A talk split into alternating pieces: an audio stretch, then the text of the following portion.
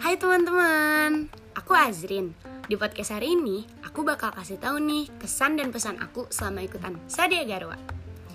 Awalnya, aku deg-degan banget ikutan osjur, tapi lama-lama jadi semangat karena aku bisa kenalan sama kelas lain yang biasanya cuma aku tahu mukanya. Bikin aku nggak introvert lagi gitu deh. aku juga bisa nambah ilmu tentang media dari materi setiap pertemuannya. Tapi sedih deh karena osjur ini harus dilanjut secara online. Jadi kurang kenangan dan dokumentasinya. Tapi gak apa-apa, tetap seru dan informatif kok. Pesannya, semoga acaranya bisa lebih seru lagi ya tahun ke tahun. Terima kasih untuk kakak-kakak yang udah capek nyusun osjur ini untuk angkatan 2019. Stay safe teman-teman dan kakak-kakak sekalian. Jangan lupa minum vitamin dan jangan keluar rumah dulu ya.